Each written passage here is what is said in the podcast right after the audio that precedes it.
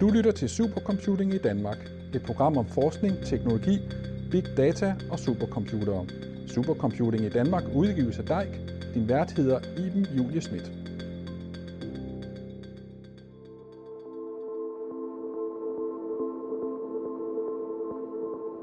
Forskningen giver os hele tiden nye teknologier, men teknologien ændrer også måden, vi forsker på.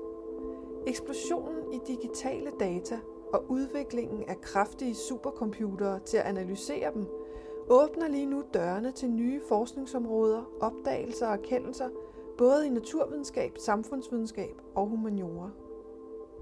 I denne her podcastserie kan du høre om de nyeste spændende forskningsprojekter og resultater, når vi inviterer dig med indenfor på Danmarks tre nationale anlæg for supercomputing og taler med de forskere, der bruger dem.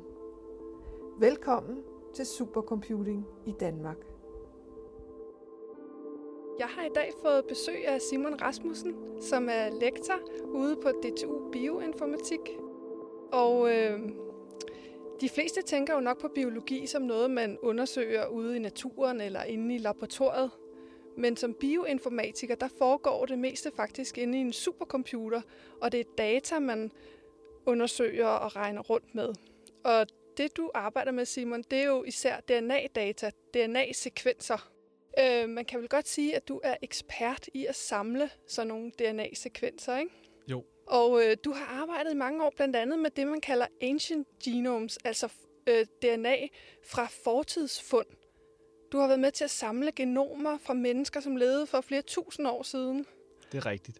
Øh, og jeg ved også, at du er i gang med et stort øh, projekt, som hedder Genome Danmark, hvor I faktisk er ved at sekventere hele genomet for 150 danske, raske mennesker, for at lave en form for referencegenom, som man blandt andet kan bruge i biomedicinsk forskning. Det er nemlig også rigtigt, ja. Men det er faktisk slet ikke det, vi skal tale om i dag. I dag der handler det om en lille bitte organisme. Det er ikke engang det menneskelige genom. Det er faktisk en bakterie, men ikke desto mindre, så har den her bakterie haft enorm indflydelse på hele menneskehedens historie. Det handler netop om pest. Og du er i gang med et rigtig spændende projekt om pestbakteriens genom. Kan du ikke prøve at fortælle mig lidt om, hvad det går ud på? Jo, det som det går ud på, det er, at vi vil gerne undersøge, hvordan øh, pestbakterien er blevet dannet, eller øh, hvordan den har udvikle sig fra dens forfar, altså dens øh, bakterielle forfar. Og, og dens forfar, det er en bakterie, som, som ikke øh, er særlig farlig. Det, altså hvis du spiser den, så får du ondt i maven. Det er det. Og hvordan kan den her bakterie, som så ikke er særlig farlig, så udvikle sig til en bakterie, som måske er den allermest dødelige bakterie, der nogensinde har fandtes for mennesker, som er den her pestbakterien. Ja, og hvad, kan du prøve at fortælle, hvordan kom du egentlig i gang med at arbejde med netop pestbakterien? Ja, øh, det skete egentlig ved øh, lidt af et tilfælde, fordi altså, øh, vi kender jo pest fra, fra den sorte død for eksempel, som er det her kæmpe store udbrud af pest i 1300-tallet i Europa, som slår måske over en, en tredjedel af alle de mennesker, der bor i Europa ihjel. Og det, som vi så havde her, altså, eller egentlig øh, så starter hele det her projekt faktisk et helt andet sted. Det starter med, at vi, havde, øh, at vi var i gang øh, sammen med nogle af mine samarbejdspartner, der var vi i gang med et projekt, hvor vi ville undersøge, hvordan at øh, den øh, europæiske befolkning, hvordan deres øh, genetiske sammensætning var blevet dannet. I den proces, der er der i, øh, i bronzealderen, altså fra cirka 3000 før Kristi til cirka 1000 før Kristi, der sker der en indvandring fra øh, nogle områder over i Rusland ind til Europa. Og de, øh, øh, og de er så med til ligesom at, at danne den øh, genetiske sammensætning, som vi har i dag i Europa. Egentlig så var vi i gang med det her projekt, hvor vi, hvor vi undersøger, hvordan det her er sket. Og det gjorde vi ud fra en hel masse øh, tænder fra grave. Så vi havde altså tænder fra, fra grave fra, øh, fra Asien og fra Europa over den her Ja, altså fra kran, menneskekranier, ikke? Ja, præcis. Ja. Ja. Og, så, øh, og så var ideen så, at vi så trækker DNA ud fra de her øh, tænder fra mennesket, og så kan vi undersøge, okay, hvordan ser det her menneskes gener ud, og hvordan, hvordan kan vi så stykke sammen, hvordan at øh, de her mennesker er kommet vandret fra øh, Rusland ind i Europa. Og det det så er, det er så, at, øh, øh, at ofte så er kun mellem 0 og 5 procent af DNA'et i de her tænder, rent faktisk fra menneskerne. Resten af DNA'et er, er noget andet. Og det, som vi så øh, var in, interesseret i, det var så at se, okay, den her kæmpe store mængde DNA, hvad er det så for noget? Øh, og det er noget, som vi, øh, som vi gerne har vil undersøge længe. Og nu havde vi så det her projekt, hvor vi så havde prøver fra, øh, altså fra den her tidsperiode, og, og vi havde over 100 prøver i alt, så det, var, så det var et ret stort datasæt. Så tænkte vi, okay, nu vil vi prøve at lede efter noget. Og så i al den her data, der ledte vi så efter øh, øh, pest. Fordi at vi fra tidligere eller, øh, øh, ved jo, at, at, at pest har haft en kæmpe stor indflydelse på, hvordan at, eller, eller det, har, det har givet en hel masse kæmpe stor udbrud af de her sygdomme, eller af pest. Ikke? Øh, så derfor så vil vi så undersøge, hvordan, øh, øh, om, om, om vi kunne finde pest i de her prøver. Bare for ligesom at se, okay, kan vi overhovedet finde noget, som ikke er, ikke er for de her mennesker. Og så finder vi så rent faktisk pest i de her prøver. Det er helt utroligt. Kæmpe øh, fund, fordi øh, man kender kun pest fra, faktisk fra år 500, altså det, eller det er det første udbrud, kendte udbrud af pest. Og nu er vi lige pludselig tilbage til år 3000 før Kristus, så der aner man ikke, at pesten også fandtes.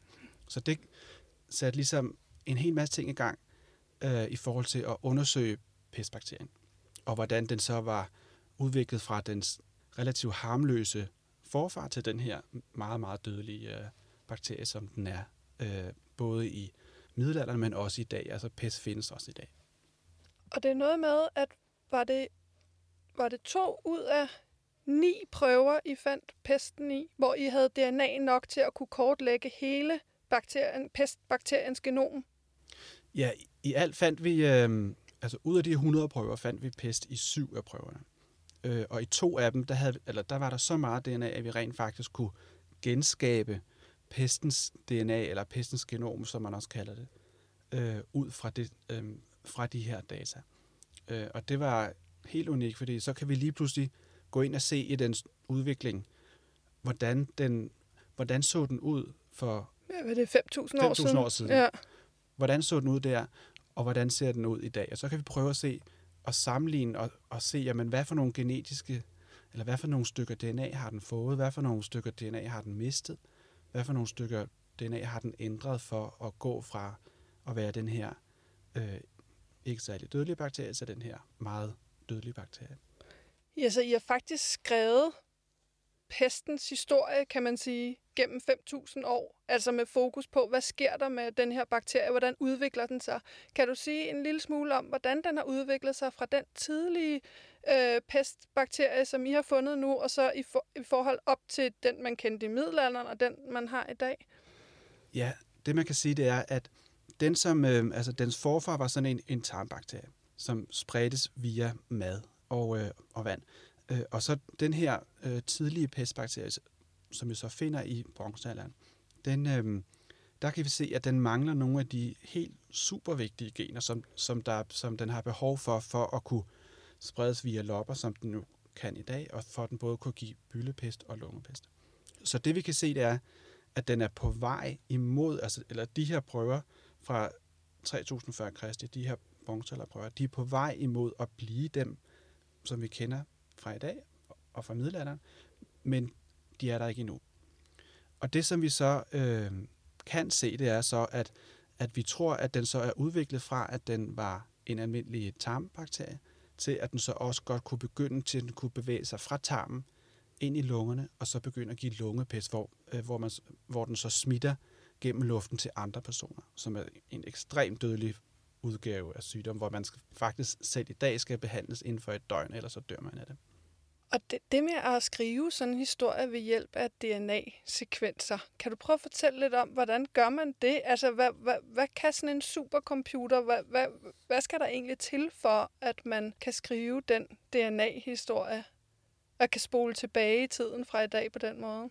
Ja, altså, øhm, man kan sige, at, at det datasæt, vi starter fra, altså hvis vi tager det helt, helt fra begyndelsen, så starter vi med 100 milliarder stykker DNA, øhm, som vi har fra alle de her 100 prøver.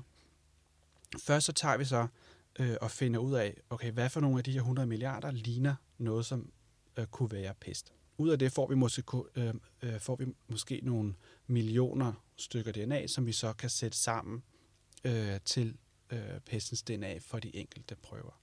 Og den måde, den måde, vi gør det på, det er ved, at vi, ved, at vi tager øh, øh, dataet, og så, prøver, så sammenligner vi simpelthen med, hvordan pestens DNA ser ud i dag.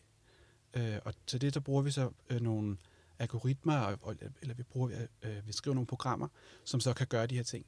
Og det kræver stor regnekraft, og det kræver også stor øh, mængde RAM, og altså du skal, have, øh, du skal kunne gemme hele de, de her genomer inde i, inde i, uh, i rammen på uh, computeren.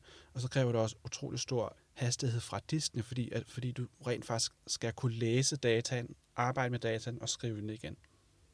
Ja, og jeg ved, du arbejder med en øh, supercomputer, der hedder Computer Room, som er specialiseret netop til sådan nogle life science data. Og den øh, står fysisk ude på øh, D2 Risø ude ved Roskilde. Men hvordan fungerer det i praksis, når du skal arbejde med den der supercomputer? Øh, det er egentlig meget, meget øh, nemt. Altså, øh, jeg sidder ude på min, øh, på min arbejde ude på D2 i Lyngby, og så, øh, og så kan jeg simpelthen via min egen computer, så kan jeg logge ind på den her supercomputer. Og så, og så er det så derfra, der kan jeg så styre al, alle de ting, jeg gerne vil lave. Der kan jeg så øh, sætte de øh, ting i gang, jeg gerne vil lave. Altså de analyser, jeg gerne vil lave, dem kan jeg forberede, og, og så kan jeg sætte dem i gang, og så kan de så køre måske en måned eller en uge, eller, eller hvor lang tid det nu tager for computeren at lave de her beregninger. Og så når jeg har dem, så kan jeg så gå videre, og så tager jeg så næste skridt og næste skridt og næste skridt. Og der er utrolig mange skridt, eller der utrolig mange analysetrin i det her, og vi bruger utrolig mange øh, forskellige algoritmer og programmer til at komme fra start til slut. Og det er virkelig, altså det er en af de ting, som er særlige omkring life sciences, det er, at, at det ikke bare er at bruge én beregningsmetode. Vi bruger måske 30 forskellige algoritmer for at komme fra, øh, fra start til, til slut. Ja, sådan noget som at regne tilbage der. Altså, jeg ved, I arbejder med noget, I kalder fylogenetiske træer, hvor I ligesom opstiller et stamtræ for sådan en øh, bakteries udvikling, for eksempel. Hvor lang tid, hvad, hvad krævede det af en supercomputer at opstille det for pestbakterien gennem 5.000 år? Ja, altså til, til lige præcis det spørgsmål, der brugte vi, øh, øh der lavede vi nogle helt særlige beregninger, som tog omkring 200 40.000 timer at beregne. Og det kan man sige, det var bare det endelige, altså da vi lavede det endelige resultat. Altså før det, så testede vi en masse ting og kørte med, for ligesom at se, hvordan skulle vi gøre det her, hvordan passer det ind, hvordan passer det ikke ind. Så alt i alt har, øh, der har vi måske beregnet en million timer på at få det her til at, altså, eller for at genskabe pestens udvikling øhm, gennem, øh, gennem de her træer, træer. Eller ligesom at sige, okay, det kan godt være, at vi har fundet de her enkelte punkter, eller de her enkelte stammer i de her tænder, men hvordan ser det egentlig ud, hvis vi, hvis vi skal se på hele udviklingen af pest? Hvorhen sidder de så i pestens udvikling? Og så, så har vi så gjort det både, hvor, øh, hvor vi ser på, øh, hvordan de er relateret til hinanden, men også i forhold til tid, altså i forhold til, hvor mange år siden er det, at øh, pesten for eksempel blev øh, adskilt fra dens forfar. Der kunne vi så regne ud, det er cirka 55.000 år siden, at den pestbakterien tog, tog ligesom de første skridt hen imod at blive pest. Og der kan man så sige, jamen, at, at derfor 55.000 år siden, der er den jo ikke pest endnu, der er den jo stadig bare dens forfar, men så er det så, øh, at den så tager de her trin, eller så i løbet af, øh, af de her 55.000 år, der er det så, at den så ender med at blive til pest. Og der, hvor vi tror, at det er gået rigtig hurtigt, det er, når vi inden for de seneste 10.000 år, hvor mennesket er begyndt at øh, bo i byer og begyndt at øh, øh, at have dyr og have, og have landbrug, fordi at, at, at lige pludselig så kommer der, eller så er der mulighed for, at, øh, at der er mange mennesker, der bor sammen, og så er der mulighed for, at de her bakterier og de her sygdomme kan udvikle sig. Og det er så både, det er så både pest, men det er også øh, kopper og øh, alle mulige andre forskellige sygdomme, som ligesom har plaget menneskeheden gennem tiden. Men betyder de resultater, I er kommet frem med nu her i det her projekt, betyder det, at man skal til at skrive historien om øh, med hensyn til udviklingen af pesten, og hvad man hidtil har troet, hvornår den startede, og hvor den kom fra, osv.? Helt sikkert. Det her det er fuldstændig nyt, fordi før så troede man, at pesten måske var opstået i Kina omkring 540 kristi eller år 0 eller et eller andet. Og nu kan vi se, at der var faktisk pest i Europa år 3000 før Kristus. Altså lang tid før, der, der var pesten allerede spredt ud over hele Europa og Asien. Så, så vi skal til ligesom at omtænke, okay, hvordan, hvordan, er den, hvordan er den opstået, og hvor var den henne, og var der, har der været nogle udbrud af pest før det? Og der er så, at vi også har nogle idéer til, hvad vi gerne vil undersøge øh, videre, som kunne være rigtig interessante. Ja, hvad, hvad kunne det være? Jamen det kunne blandt andet være, at vi øh, meget gerne vil undersøge, øh, fordi at, at en af de trin, som, er, som netop er i øh, pestens udvikling fra, den går fra at være den her forfar til den bliver øh, den her dødelige bakterie, det er, at den får evnen til at spredes via lopper. Okay, så den kan, så den kan bo i nogle lopper, øh, og, så, øh, og så hvis den her øh, loppe springer fra en rotte eller et eller andet til et menneske og bider et menneske for at spise, jamen så kommer der så pest ind i det her menneske. Og den her egenskab, det ser vi, jamen den opstår så omkring år 1000 før Kristus.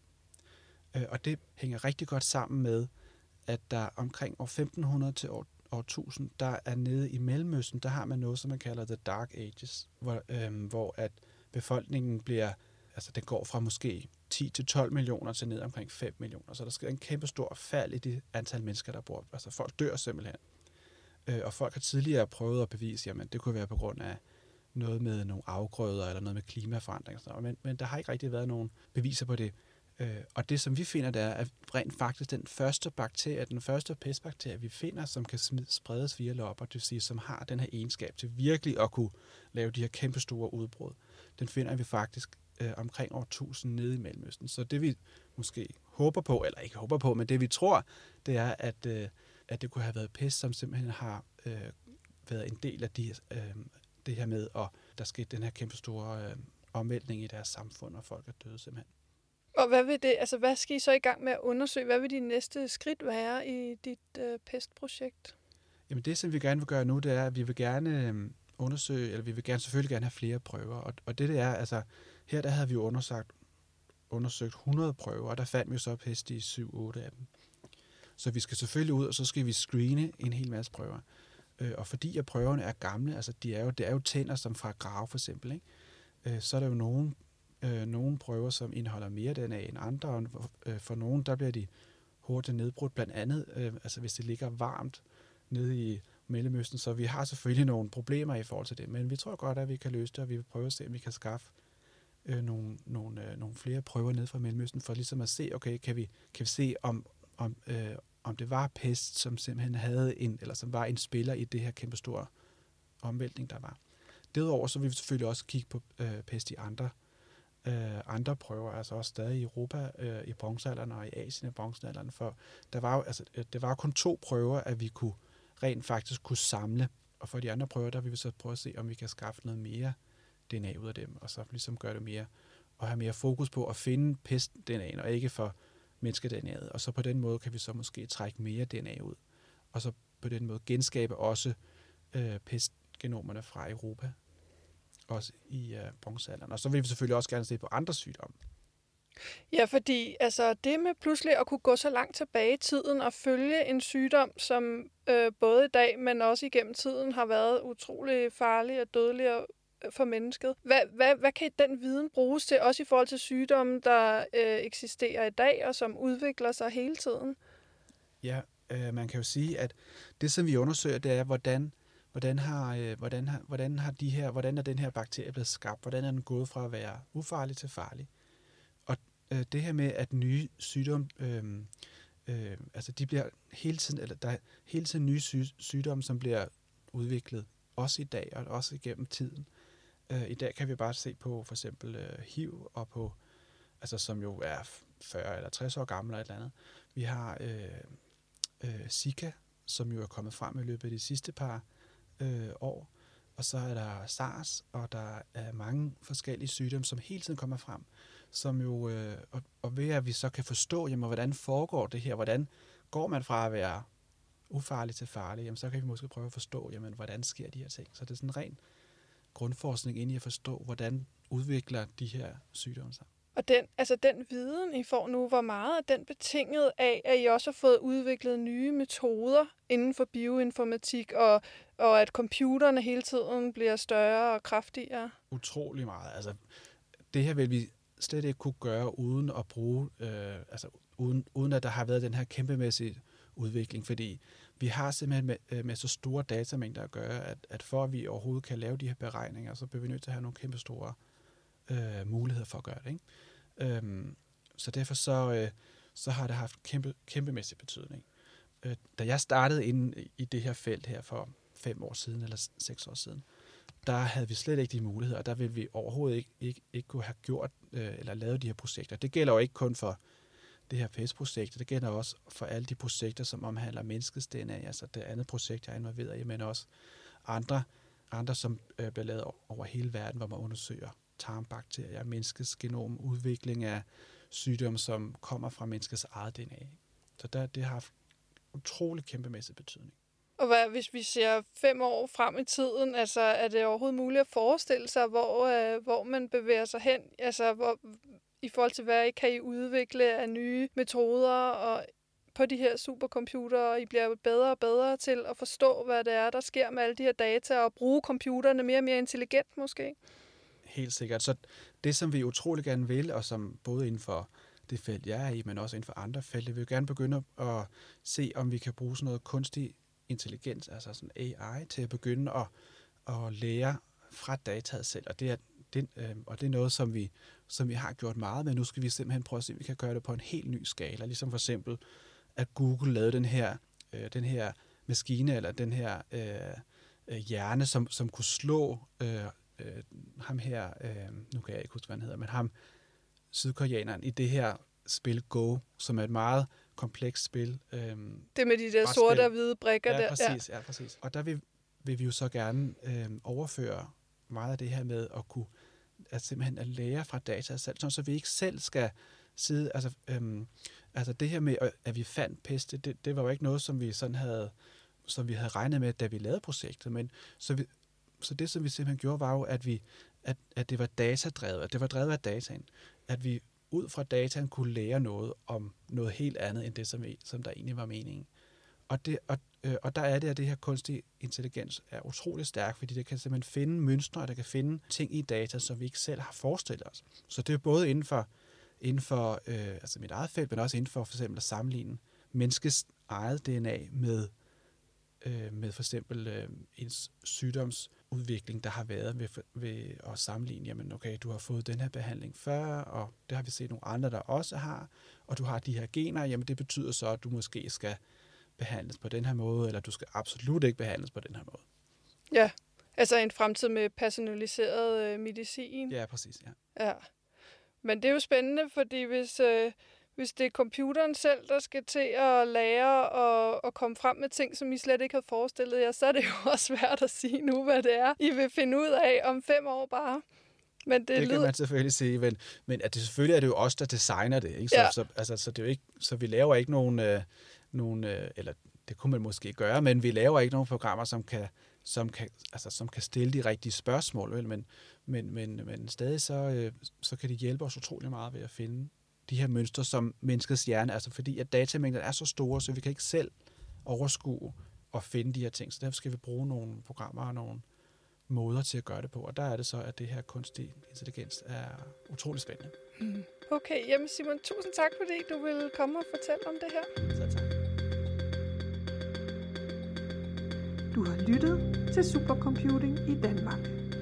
Supercomputing i Danmark udgives af DEIK. Din vært var Iben Julie Schmidt.